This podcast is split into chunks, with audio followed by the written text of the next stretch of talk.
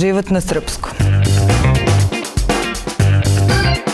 Dobar dan, ovo je Život na srpskom. Ja sam Ana Kalaba, a moja gošća danas je psihološkinja Mirjana Martić-Pantić iz specijalne bolnice za bolesti zavisnosti u Drajzerovoj ili kratko Drajzerova svi. To je popularan naziv, da.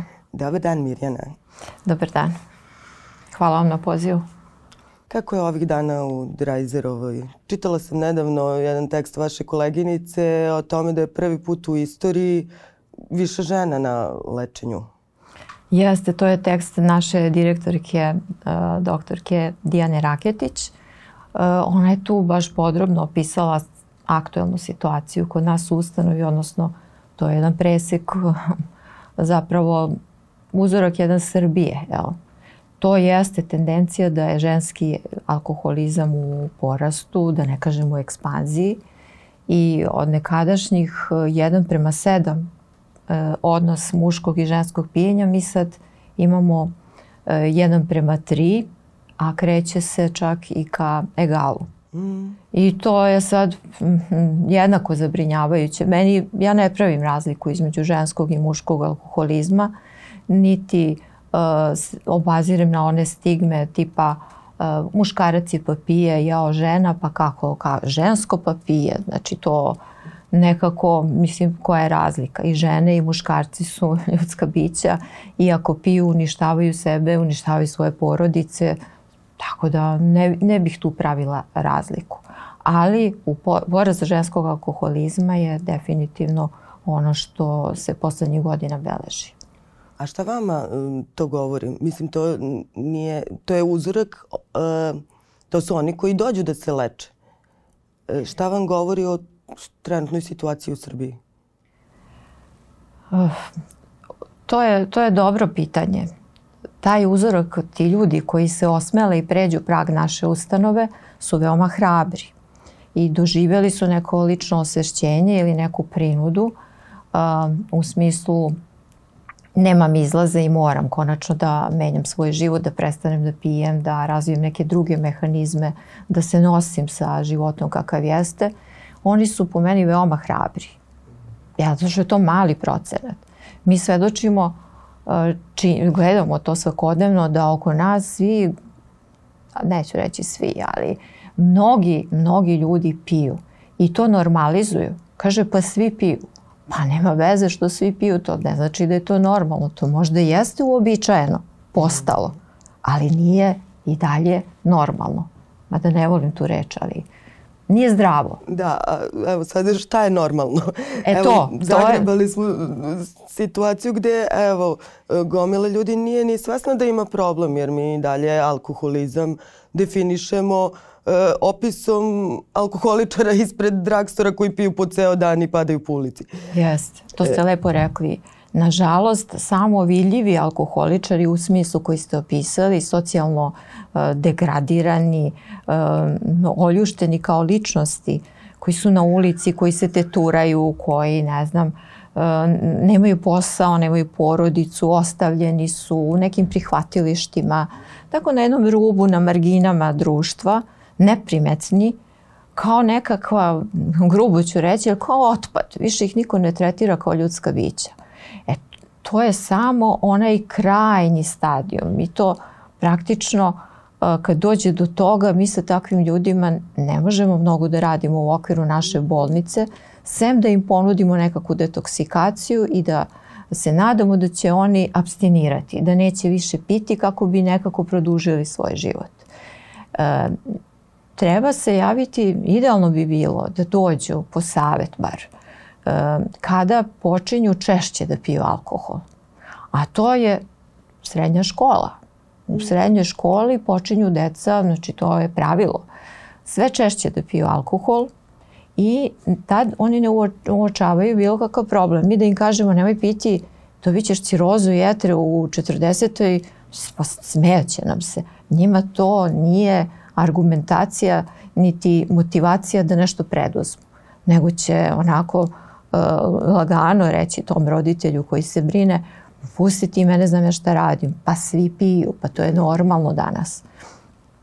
E, idealno bi bilo da takav roditelj sa takvim detetom dođe u savjetovalište i da mi malo neke stvari pojasnimo, da to nije samo pijem alkohol. Taj alkohol utiče na ponašanje, utiče na osjećanja, na razmišljanja. On se formira, to je formativne su to godine, srednja škola. On tek treba da formira svoju ličnost. I ako se ličnost formira uh, uz alkohol, pa kakva će to biti ličnost? Znači neće biti ona zdrava jel, koja će moći kasnije da e, dobro funkcioniše u svom životu. Ona će već biti zakinut za mnoge e, zadatke koje nosi razvojna faza u tom periodu. Tako da, a ne dolaze nam odmah da kažem, ja ne znam da nam je neko došao u tom periodu i pitao, e, ja sam počeo malo češće da pijem, šta sad vi meni savetujete? Obično dođu kad su problemi narasli. Znači, dođu nam uh, primjera radi, supruga je uslovila, kad kažem uslovila, rekla je ili razvod ili lečenje. Suprug kaže, on će da razmisli. Neće on baš tek tako da ostavi. Njemu je ipak tu komforno. Možda i voli suprugu, ali je negde alkoholom pomućen mu je razum, izgubio je emocije, udaljio se i tako dalje ušuškali su se u toj nekoj patološkoj homeostazi, jedno i drugo. Međutim, ona žena je ipak zdrava, pa je osvešćenija i kaže ja neću ovako da živim. I ako si ti odlučio da se samo ubiješ, a alkoholizam je lagani suicid, suicid na rate, odloženi suicid. Ona kaže ja neću da ti pomažem, neću da budem saučesnik u tvom samoubistvu. A druga stvar, ja sam odgovorna prema svom zdravlju, ja hoću da budem E, da živim život sa svojim punim potencijalima. Ako još imaju decu, ona je tek u obavezi da svoju decu zaštiti u smislu da ne dozvoli da odrastaju u disfunkcionalno porodičnom sistemu kak, kakva jeste alkoholičarska porodica. Tu se živi od danas do sutra, tu se ne zna ko šta radi, tu su izmešane uloge, tu je komunikacija grubo narušena, tu su napravljeni savezi najčešće između majke koja ne pije i dece, jeli? onda su oni jedan tim, a on je tamo negde po strani. Pa onda kad mu se pomene lečenje, on kaže pa šta hoćete, pa ja pijem samo za sebe, ja nikog ne uznemiravam, donosim novac u kuću, šta hoćete. To nije baš tako. On bi trebao da ispunjava i neke druge uloge, zbog čega se uopšte oženio, zašto uopšte ima decu. Vrlo često mi čujemo da naš pacijent koji je alkoholičan ne zna ni koji mu je razred dete, a kamo li nešto više da ne pričam s kim se druži, koje boje voli, koju muziku sluša i tako dalje. Znači ta deca su zanemarena. Ona su uskraćena za e, ljubav čoveka koji pije. On im ne poklanja dovoljno pažnje. A kad nekome ne poklanjate dovoljno pažnje u tim formativnim e, godinama, on dobije povratnu informaciju ja nisam svom ocu važan. Jer da sam uvažan, on bi provodio vreme sa mnom, a ne u kafani sa prijateljima ili opijajući se u sobi uz utakmicu ili već ne znam gde. Znači, do, snažnu poruku šalje nisam bitan. Ni majka ne može da pruži svoj puni potencijal u takvom kontekstu. Jer se ona dominantno bavi mužem koji pije. Kakav će doći? Da li će biti pijano? Ću moći se dogovorim s njim? Da li je ispunio sve ono što smo se dogovarali? A najčešće nije. Alkoholičari su visoko neodgovorni i sve gledaju da neko drugi za njih to odradi. Pa i kako bi bili odgovorni? Oni se 24 sata bave svojim alkoholizmom. Da zaradim pare, pa da odvojim pare da kupim. Pa onda pijem, pa se onda treznim, pa provodim vreme tamo negde u pijenju, pa onda dođem kući posle 150 sati, umesto u 3 kad je bilo vreme, pa se pravdam, pa izmišljam razloge, pa zadržao me ovaj, pa sreo druga iz vojske, pa ne znam, ovaj dobio dete, pa smo se častili i tako. I on provodi u 24 sata veći deo vremena pijući, trez, tre, da, da, da pije, da se trezni i da se opravdava zbog svog pijenja. Pa gde tu ostaje prostor onda za neke konstruktivne, zdrave aktivnosti i posvećenosti bilo kome, pa i sebi. Niti je sebi posvećen, niti je partnerki, niti je deci. A supruga, ona isto tako u tom stresu, e, kakav on dolazi, ne dolazi, šta će da radi, da li će, još ako je agresivan, pa da li će da je udari, neće da je udari, pa da li da sklanja decu, ne sklanja decu, pa deca se umeštaju između njih, da brane majku, pa to, to su tako jedne strašne scene u kući koje se dešavaju čak i kad nema ovog najgoreg dela u smislu fizičke agresije. Ova psihološka agresija, odnosno pasivna agresija u smislu zanemarivanja, ostavlja takođe duboke tragove. A evo vi sad pričate o alkoholizmu i svim posledicama, a naveli ste dva, dva primera koja ja mislim da su za, da, da se veći deo Srbije može naći u njima da sedne sa društvom u kafanu ili da gleda utakmicu uz pivo. E, šta, e, šta zapravo je signal za alkoholizam? Je li to ono žena koja popije čašu vina pred spavanje svako veče ili su klinci koji svakog vikenda piju dva dana bez prestanka ili je neko ko pije svaki dan pa ima, ima određenu količinu da. alkohola da. ili je i već i samo to ono, samo s društvom i uz utakmice?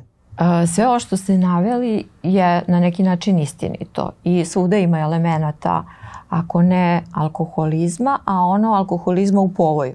Mm -hmm. Svi ti ljudi koji piju nekada umereno, a umereno je kad se pije o nekim prilikama, zna se šta su prilike, dalje neka slava, proslava, e, i ljudi koji umereno piju, oni ne moraju da piju čak ni tad. Oni dođu pa kao ne, ne pije im se. Mm -hmm. Ili popiju jedan gutne pa ostave. Znači oni imaju kontrolu.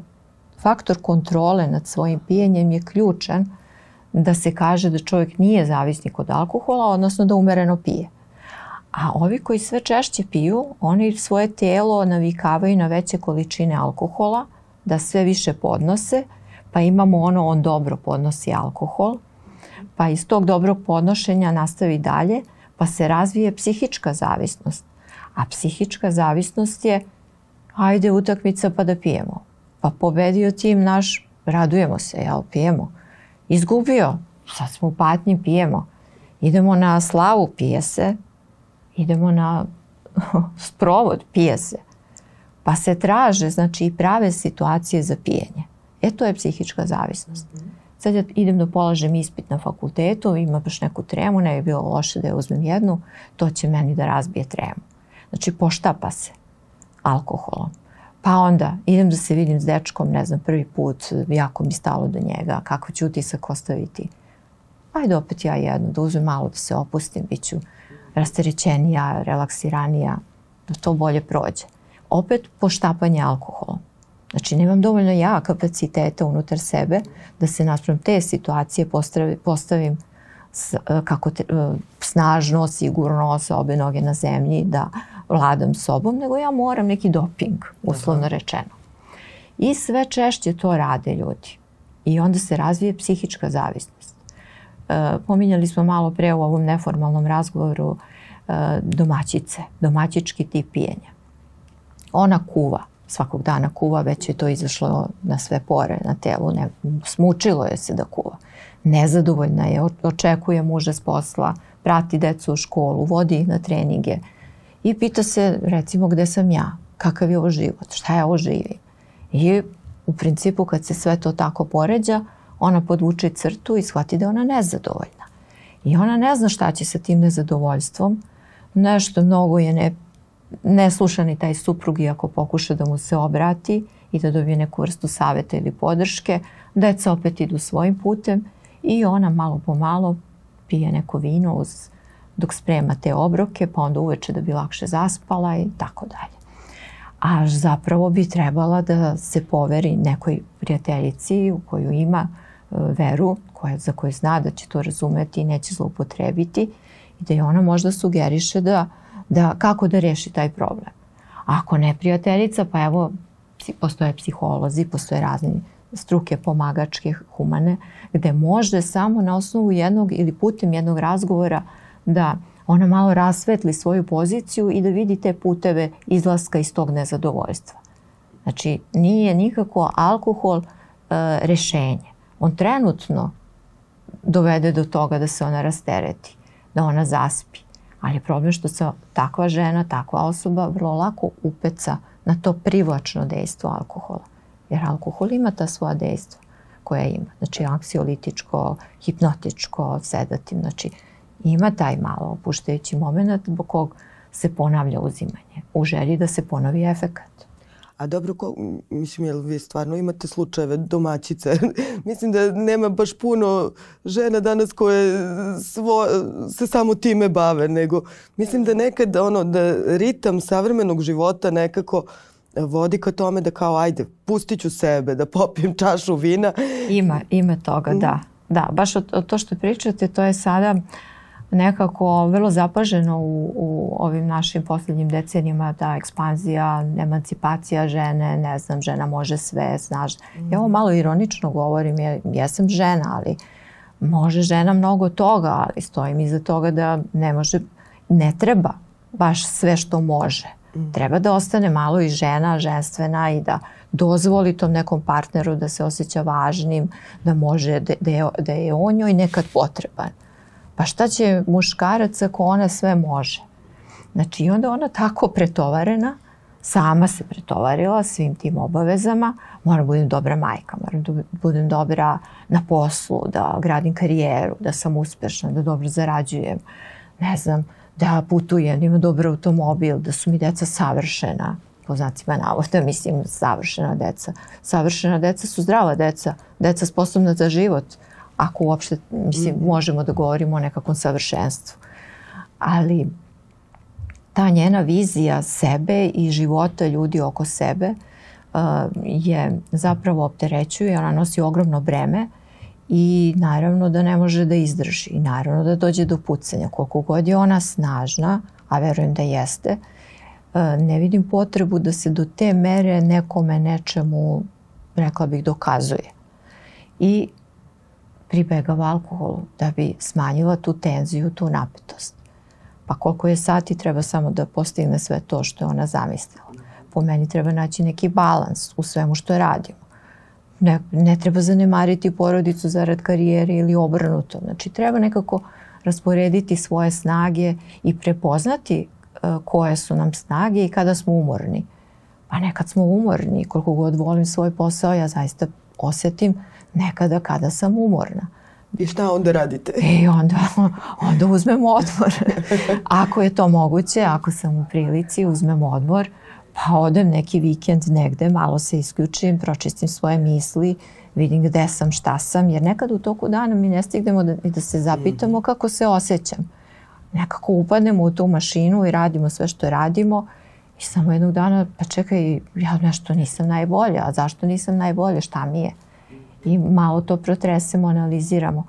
Mislim, ja savjetujem i svojim klijentima i pacijentima da u toku dana odvoje 15-20 minuta da se pitaju kako sam, šta sad osjećam, povodom čega je to osjećanje, odakle ono došlo, šta ću da uradim sa njim, da, a da ga ne potisnem, već da ga izrazim, ispoljim i da to bude konstruktivno zdravo. I onda to kad tako poslužimo, onda ga i odložimo i idemo dalje. A ako to ne radimo, e, to je mentalna higijena. Mi se bavimo različitim higijenama. Znači od jutra, od pranja zuba do negovanja tela, pa čak i ovaj deo rada na telu, definisanja mišića i ne znam šta, a ovaj deo mentalne higijene, kako se osjećam, da li sam u kontaktu sa istim i šta ću sa njima, mislim da tu još uvek nije dovoljno uh, naš narod osvešćen nema taj deo dovoljno. Ne kažem da se ne dešavaju neke promene i da su ljudi sve spremni da se obrate za pomoć psiholozima i pomagačkim profesijama generalno, ali još uvek smo mi tu uh, negde hajde, u nekoj sredini, da tako kažem, u odnosu na svet. Pa što, što kad imamo alkohol, imamo kockarnice na svakom ćošku, e, imamo... E, vidite, u svakom kraju šta ide? Kockarnica, apoteka, kockarnica, apoteka, pa onda neke dve, tri laboratorije da se provere ti nalazi, rezultati krvi, možda neki frizerski salon, pedikir, manikir. Ali kockarnice su najzastupljenije na svakom ćošku. Mm -hmm. I šta je to? To je poruka, jel? Jasna poruka. Kod vas leče od kocke? Jeste. Koliko je to prisutno kod nas? Veoma je prisutno. Uh -huh i e, ide ruku pod ruku najčešće sa drugim oblicima zavisnosti, pre svega sa alkoholizmom. Vrlo često naši pacijenti kažu ja prvo popijem, a onda dobijem taj neki, kako oni kažu, ad, proradi ih adrenalin i kao um, hipnotisani odlaze na, na to klađenje i ubeđeni da je ovaj put to to, da će mhm. dobiti. E, tako to otprilike ukratko ovaj, ide. E, mi imamo dnevnu bolnicu za lečenje nehemijskih zavisnika, znači oni ne unose nikakvu substancu u telo, ali su zavisni. I to su zavisnosti koje se ispoljavaju na ponašajnom behavioralnom nivou. Tu je u principu najbolja kognitivno-behavioralna terapija da se uh, uvede kao način uh, za promenu. Takođe se radi u okviru dnevne bolnice, to je grupna sistemska porodična terapija, znači dolazi neko od saradnika sa njima, jer ni jedan zavisnik nije, kako bih rekla, jednostavno ljudski, narodski, nije pao s Marsa. On se on je nastao, on se rodio, on se formirao u nekom kontekstu, u kontekstu neke porodice. I ta porodica, htjela to da prizna sebi ili ne, je na neki način uticala na formiranje. Da li e, time što nije reagovala, nije preduzimala korake da se nešto učini sa tim čovekom koji pije, kocka se, drogira, ili je pokušavala pseudorešenjima. Ne znam, kažnjavanja, uskraćivanja za nešto, pa najrazličitije načine, vrlo su kreativni naši ljudi u, u tim uh, pseudorešenjima. A nikako da nađu vrata i da kažu pa mi idem, treba da odemo do Drajzerova ili neke druge ustanove koja se bavi lečenjem bolesti zavisnosti. Nekada je dovoljno doći i samo u savjetovalište koje je potpuno kako da vam kažem, ne morate ni da se predstavite, ni da ostavite nikakav dokument, znači nema onog m, čega se ljudi vrlo često plaše stigmatizacija, etiketa, sad će se odmah to negde čuti i saznati. Dođete, prosto razgovarate kao vi i ja sada, ljudski onako mogu sve da nas pitaju, sve da im objasnimo i, i motivišemo da otpočnu nekakav proces lečenja. Jer ako ne otpočnu, znamo, to je jedno raskršće. Ako nastave da piju, taj put je jednosmeran i vodi, zna se gde vodi. Ako prestanu da piju, oni daju sebi šansu da žive punoću svojih kapaciteta, da budu bolji sebi, pre svega, na jedan nesebičan način, da budu bolji kao partneri, budu bolji roditelji, radnici na poslu, mnogi, mnogi naši pacijenti to kad biste videli prosto ne biste mogli da verujete kada se završi proces lečenja kakvi su to ljudi. Koliko su oni sebe promenili. Ja kažem, to sad zvuči paradoksalno. Oni su kvalitetniji i bolji postali nego neki koji nikada nisu imali problem zavisnosti. Zato što oni dolaze nakon onog intenzivnog lečenja u dnevnoj bolnici, dolaze jednom nedeljno, to traje sat i po vremena. I mi tu pričamo o najrazličitijim temama koje su poprilično udaljene od e, teme alkoholizma. Pričamo o bliskosti, o partnerskim odnosima, kako rešavati konflikte, kako postavljati granice odnosno druge ljude, e, prokrastinacije ili odlaganje obaveza, kako osmisliti, ne znam, svoju svakodnevicu, osjećanjima. Znači, pričamo o, o temama koje su u, u, kroz jednu reč rečeno život, životne teme i koje sve nas zanimaju.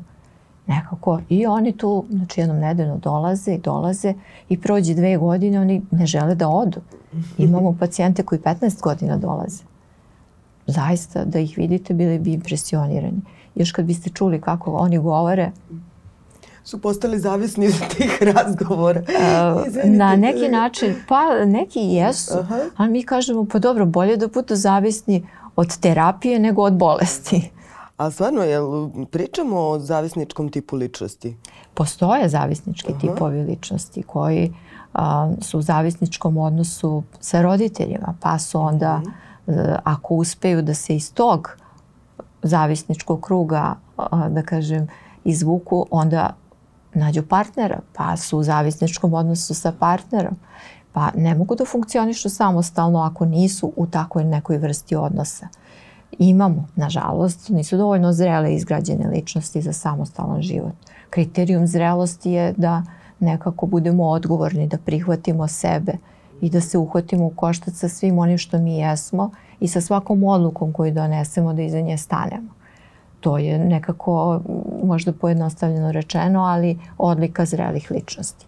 Postoje ljudi koji su skloni da postanu zavisnici od raznoraznih, um, da kažem, oblika iste i tu spadaju i ovi naši zavisnici, alkoholičari, uh, narkomani, patološki kockari, zavisnici. Vidimo sad tendenciju zavisnosti od vežbanja. Aha.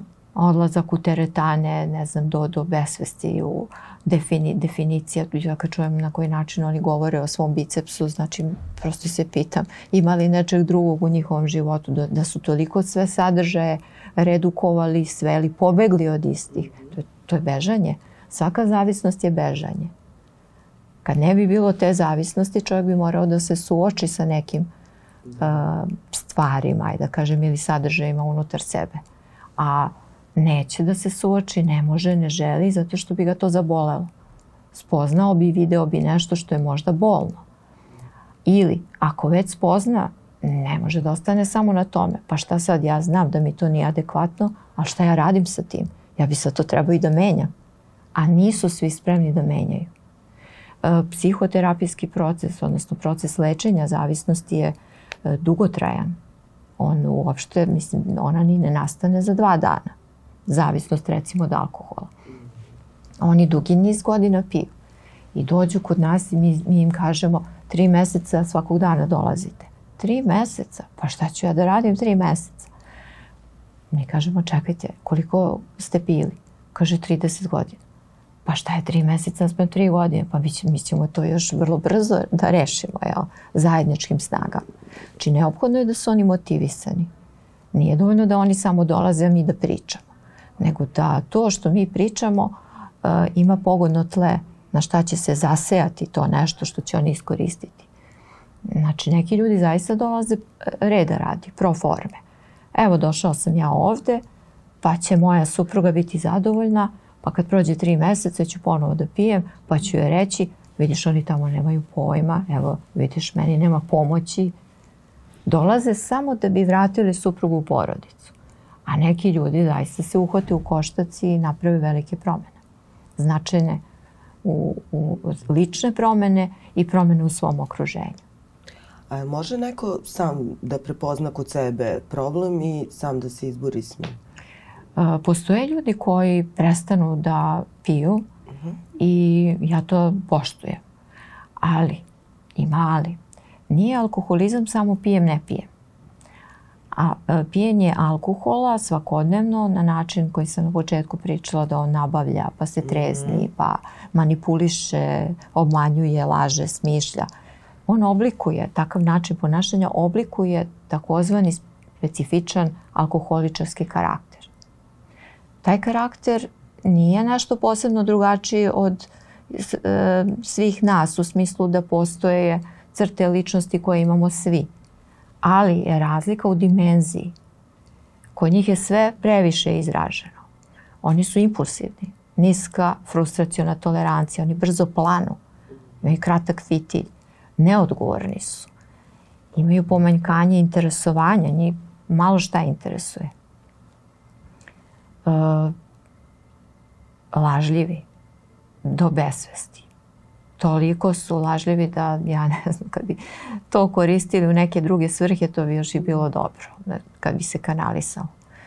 Um, zatim neadekvatno izražavanje emocija. Njihove emocije idu od do. Jedan dan dođe, pa ne znam, ja sam se sad uhvatila najdrastičnijih ili najdramatičnijih primjera, dođe pijan, supruga se suprotstavi što si pio i tako dalje, otpočne konflikt, po jednom običajnom obrazu, on je recimo odgurne ili udari. Onda se ona ljuti, on sledećeg dana dođe sa buketom cveća, nikad većim i izvinjava se. Znači, to je neadekvatno izražavanje emocija. Jedan dan je udari, drugi dan je voli najviše na svetu i donosi cveće. Mislim, on u stvari ništa ne radi u tom smislu autentično, već pokušava da kupi kredite za svoja dalja pijenja i da na neki način, opet narodski rečeno, ispegla ovu situaciju koju je napravio prethodnog dana. E, to je manipulativno ponašanje alkoholičara. A kad pričamo o zavisnostima, ajde, kao zavisnost se sad tretiraju i zavisnost od društvenih mreža, na primer, i zavisnost od, ajde, pomenuli ste vežbanje. E, to jeste ist, isti neki eskapizam kao, kao i ove tra, tradicionalne zavisnosti. Jeste. Jel da? Jeste. To je neka, rekla bih, isti koren, ista baza, samo nekome prija uh, bira iz tog seta šta će da uzme, mm -hmm. šta je njegovoj personi najprijemčivije. Pa mi često čujemo uh, pio bi ja alkohol, ali mi je nekako ne mogu te mučnine posle, pa ja zato uzimam marihuanu. Znači oni su svesni da tragaju za nekim sredstvom, po znacima navoda, koje će im uh, uh, doneti određene dobiti, određene efekte. A to su ili rasterećenje, um, znači smanji se anksioznost, poveća samopouzdanje, uh, onda on gleda to svoje telo pa se divi, pa kao eto uspeo sam, pa sam ja vredan, važan, samo zato što imam bicepse ili ne znam šta. Znači, um, beže od onoga što oni jesu, ne suočavaju se u sve te različite uh, oblike zavisnosti. Ja sad uh, navodim bežanje, ali nekada se uh, bolest zavisnosti javlja u sklopu mnogo ozbiljnije, kompleksnijeg problema uh, ličnosti, u smislu da postoji poremećaj ličnosti, da postoji ozbiljna depresija, da postoji možda E, čak i najozbiljnije duševni poremećaj, a to je psihoza. I onda je bolest zavisnosti, alkoholizam, zloupotreba tableta, ne znam, ili drugih psihoaktivnih substanci, samo simptom tog dubljeg problema.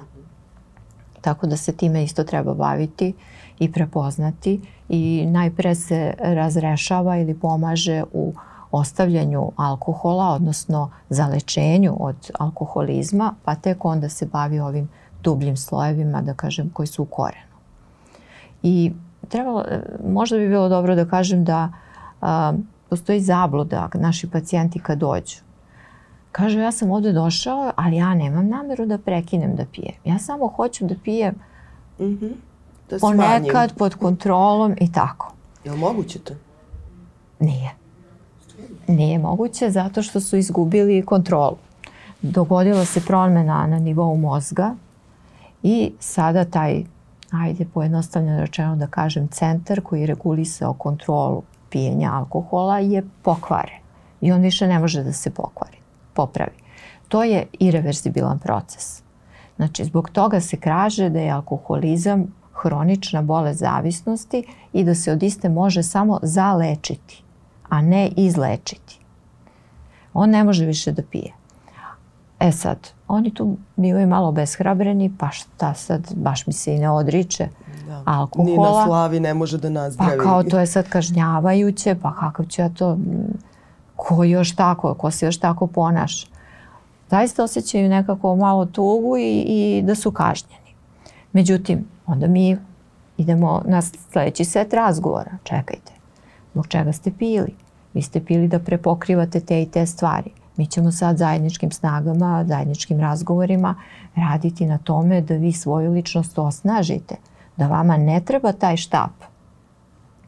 Jer vi nećete ni pomisliti na alkohol u nekim situacijama koje su frustrirajuće, koje su teške, koje su bolne, već ćete imati izgrađene mehanizme da tu bol podnesete, iznesete na adekvatan način i odbolite, prebolite i tako dalje. Znači, taj deo oni ne mogu da vide u samom startu i mi ih ne opterećujemo, sem što im kažemo polako, idemo dan za dan. Svaki dan je već uspeh i na kraju svakog dana potapše, potapšite sebe po ramenu, recite evo danas sam bio trezan, sutra opet novi cilj, danas idem opet trezan kroz život i dan za dan. A onda oni dođu i kažu pa ja sad uopšte o alkoholu i ne razmišljam. E, to me zanima, jel se desi taj moment? Desi se. Jer e, ja znam ono sa cigaretama, na primjer, pa to je uvek ono samo još jednu i to se... Ali e, s druge strane imala sam u nekom momentu osjećaj da kao, ok, da li ću ja ikada proći pored nekoga sa cigaretom da ne primetim da drži cigaretu? hoćete, mm -hmm. ako, dovoljno, ako dovoljno dugo istrajavate u, svoje, u ovoj svojoj odluci, a opet ću da iskoristim ovaj, ono što ste mi malo pre rekli kada ste bili na svom putovanju, kada ste se odrekli raznih nekih stvari, da je na neki način vaš, vi ste došli do spoznaje da vi možete mnogo. I uvek kad čovek e, spozna šta sve može, a nikad ne spozna do kraja, e, to treba da ga vodi, da ima veru u sebe. Ja verujem da ja to mogu. Pa šta je jedna cigareta naspram onoga što sam ja i moja odluka i moja čustina i moj život. Odmah se podsjetim od svega onoga što mi jesmo. Mm -hmm. I da li ću ja sad sa tom jednom cigaretom koja mi, šta će mi doneti? Neće mi doneti ništa pozitivno. Ali će mi urušiti ovu moju snagu. Reći će, aha, pa nisi ti baš tako jaka. I onda tako malo kad se porazmisli, kad se malo povede razgovor sam sa sobom, onda odustanete od te jedne. Jer vam ona ništa krucijalno neće doneti, bar ne pozitivno. Da, da, znači tako se reaguje na izazove. Jer evo, ako pričamo o alkoholizmu, baš ih mnogo ima. ima Cigarete su isto dosta rasprostranjene kod nas. Jesu. I da, nažalost, e, moram da kažem, vrlo fino upakovane sa mašnicom, bojama. Mm -hmm. ove, sad mislim ove elektronske koje se svuda prodaju, Aha. ko bombonice.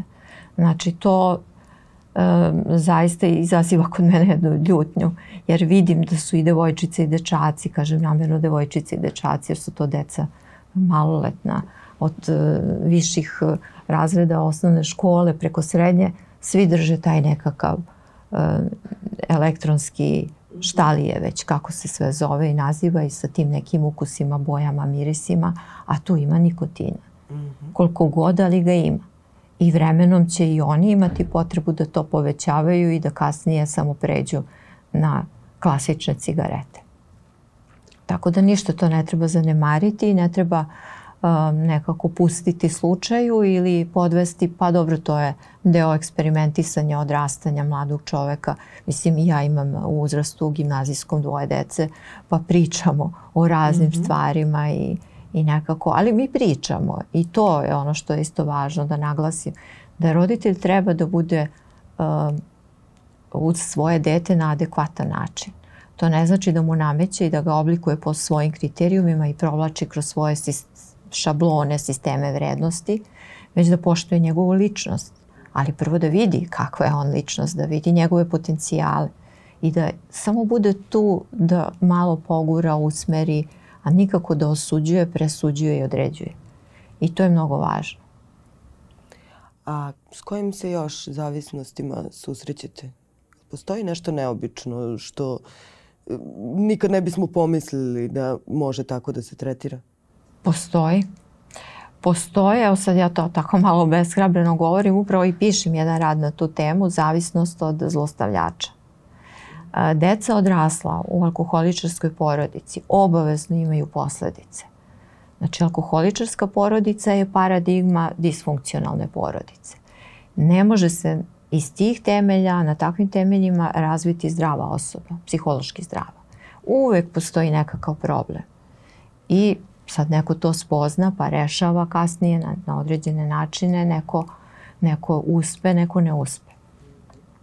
Skoro je bila jedna žena, 48 godina, kod nas, ona je pomoć, saradnik u lečenju svome ocu, Uh, ona ga je izvukla praktično uh, neke vikendice, tamo je bio u nesvesti, u pravom trenutku je došla i tako. Da kažem da mu je spasila život. Dovela ga je kod nas i oni dolaze na grupnu terapiju. Uh, otac se vrlo neprijatno ponaša prema njoj, onako se ironijom govori, um, to je moj, kako kaže, ne kaže saradnik u lečenju, nego kaže kontrolor, ne znam, sprovodnik i tako malo. I sarkastično se izražava. A ona sve vreme, pa dobro, tata, nemoj, nije tako. I, e, videlo se da tu nešto postoji između njih što e, nam privlači pažnju i što nije zdravo, a što ona ne izgovara na grupi. I jednog dana ona došla i podelila je u razgovoru sa mnom, individualnom, znači van konteksta grupe, da je ona zlostavljena seksualno od strane svog oca od svoje 12. godine. I e, majka je za to znala, ali nikada e, nije verbalizovala da to zna, nikada to nije sa čerkom e, popričala, opričala, a čutala je, žmurila je nad tom činjenicom. Iz ko zna kog razloga sad, da ne ulazimo u to. Ali jedna takva zlostavljena devojčica, seksualno od strane svog oca, dolazi i pomaže svom ocu. E, ne samo da pomaže, nego ona se sve češće e, odlazi kod oca i majke i kod njih tu odseda i bavi se njima, pomaže im, dok ovaj partner ostaje sam u svojoj kući i sve više skreće pažnju da je to nedopustivo, da ona ugrožava time njihov brak i tako dalje.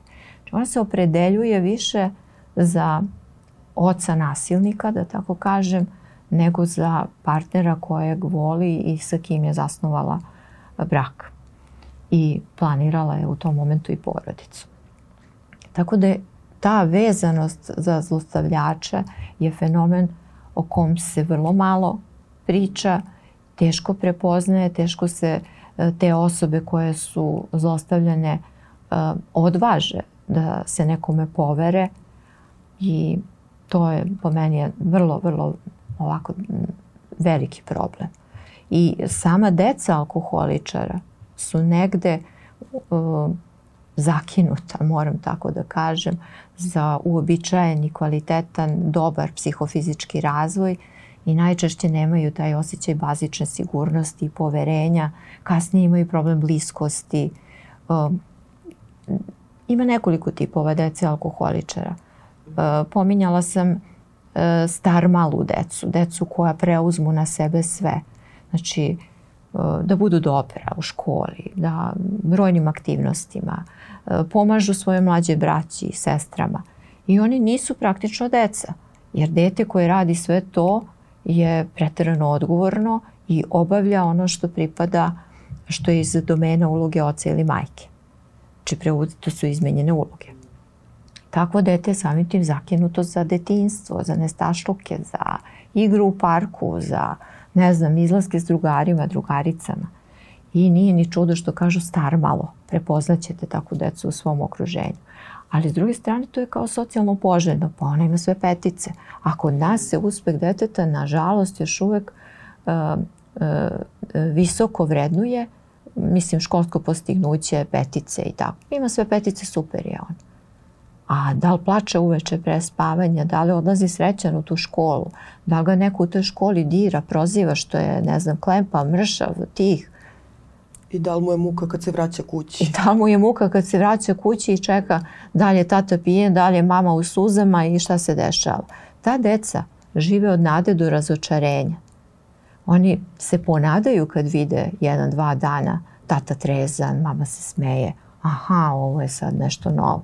Sutradan dođe iz škole, otvore vrata, namešta je razbacan, opet suze, opet treska vratima i tako dalje nada, razočarenje. To su uh, takvi, takva podizanja i takvi padovi, takvi lomovi. To su, to su strašni udari na, na psihološko biće jednog deteta. I to u periodu kada se razvije, kada nije formiran, kada nije, nema mehanizme kao odrastao čovjek. Tek treba da ih razvije i stekne. Tako da je njihov razvitak... Imamo i drugačije primjere. Evo, skoro sam čitala ispovest nekog dečka koji se leči od alkoholizma koji je sve to objasnio, mislim, svoju slabost negde objasnio, eto, cela porodica, svi su pili, pa se od mene negde očekivalo da ću u tim pravcem i ja da krenem. E, koliko je to često? Je Pa to je vrlo često, u smislu da um, uh, ako se neguje, po znacima navoda, pijenje u određenoj kući, odnosno mm. ako je to uobičajen obrazac ponašanja i to dete, a kasnije čovek će reći pa dobro, to je kao dobar dan, to je kao pranje zuba ujutru, jel? To je inkorporirano već uh, u, u njegov sistem vrednosti kao nešto neophodno i potpuno u redu. Njemu to fali ako toga nema. Znači, to 80% dece iz alkoholičarskih porodica postaju i sami alkoholičari, to je poznata svetska statistika, a ovaj preostali procenat, dvadesetak ili znači ima sreće da možda ne uđe u tu bolest ali ima određene posledice.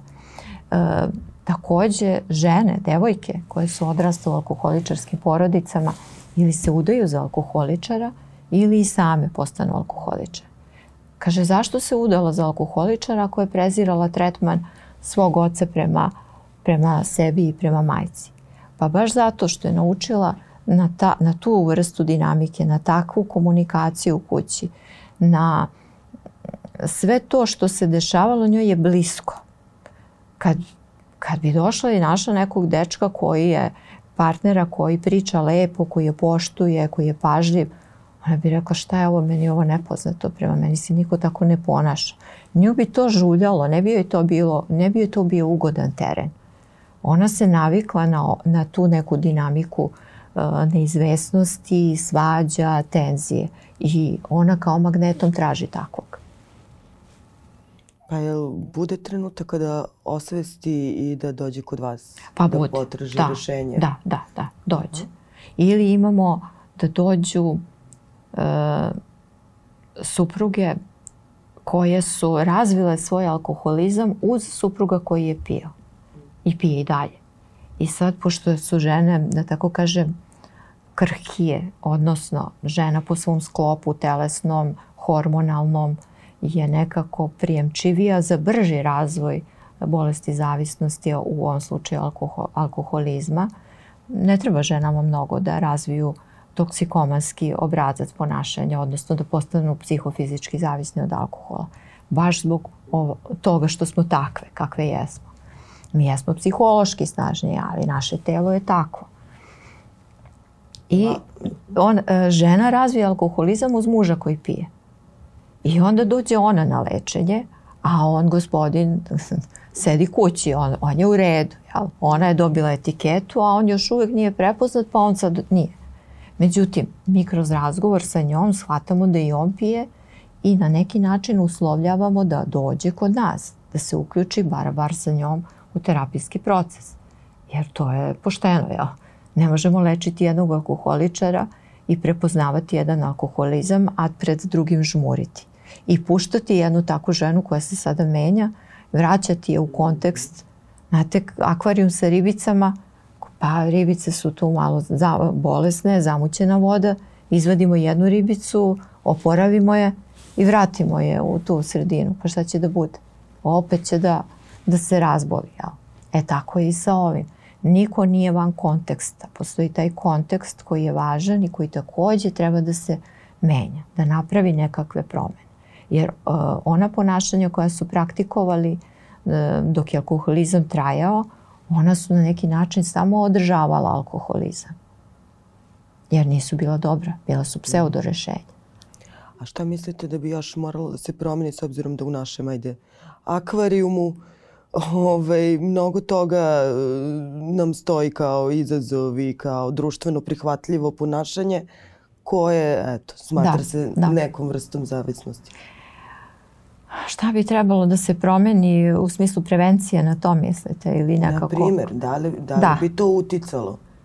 Pa... Evo sad sam pomenula sve namirnice poskupele, samo pivo na akciji. Jeste. Mm. Uh, ja sad razmišljam koliko je stvari uh, moja uloga negde u svemu tome i, i moćna, a i vrlo slabašna. Znači, slabašna je jer postoje određeni moćni, mnogo moćni ljudi koji određuju kako funkcioniše sve to i na tržištu i ta dostupnost alkohola, ko tu sve profitira i kako. Mm. Znači, ja zaista tu nemam nikakav upliv, niti bih mogla da bilo šta preduzmem. Tu je moj, moj limit. Ali kao psiholog, to sam baš razmišljala, mnogo o tome razmišljam i dosta pišem o tome i radila sam i neka istraživanja. Uh, kako pomoći toj deci u alkoholičarskim porodicama. Oni nisu birali da se rode tu gde jesu. Zaslužili su i oni da imaju nekako adekvatne roditelje, a nemaju ih.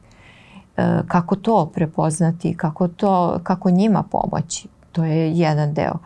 E, drugi deo, u školama se uči mnogo što šta i meni škole liče na one kao i kad smo mi išli, a ja sam stvarno davno išla u, u školu I ne vidim da se tu nešto mnogo promenilo u pristupu. sem što se možda u, u, su uveli kompjutere i tako, neke online varijante nastave. Ali sam pristup, sam taj nastavnik priča, oni slušaju i tako to i sadržaji koji su ponuđeni, mislim da tu treba praviti neke promene i da treba uvoditi neke sadržaje koji će se ticati života. Da će biti baš u kontaktu, škola da bude u kontaktu sa životom i životnim. Znači, kako ja sad ako me neko u školi, ne znam, e, provocira, kako da reagujem? Kako ja sad da kažem ne, to reći ne, to je mnogo teško. To pitanje ličnih granica je pitanje mentalnog zdravlja. A oni koji ne umeju da kažu ne, oni su e, dozvolili da im se prođe u taj psihološki prostor i oni se ne osjećaju dobro u tome. Osjećaju se manje vredno i ne poštuju sebe. Tako da mislim da treba uvesti uvoditi nekakve sadržaje gde će se deca učiti po znacima navoda životu i, i da nauče mehanizme. Stalno govorimo o tome, treba se osposobiti uh, različitim uh, veštinama da se nosimo sa problemima, kako kad nam neko umre. Pa bio to i pas, ako je dete, ugine mu pas. Pa to je bol, to je patnja. Pa šta se treba, kupiti odmah novog psa ili dozvoliti da prvo otpati? Da je poslati poruku da je u redu da pati, da boluje, jer to je gubitak. Nekako u tom smislu kao psiholog vidim da treba možda više. A čini mi se da se tu nešto i radi, ali ne dovoljno. Ništa, nadamo se da će, da će malo bolje da se radi na, na tim, toj prevenciji. Hvala vam Mirjana. Hvala i vama, bilo mi je prijatno. Verujem da će mnogima biti korisno. Nadam se. Mada smo pričali samo jedan mali segment onako kako nam je dolazilo. Ima tu toliko toga o čemu bi e, moglo da se priča kada, je, kada su bolesti zavisnosti u pitanju. Naravno.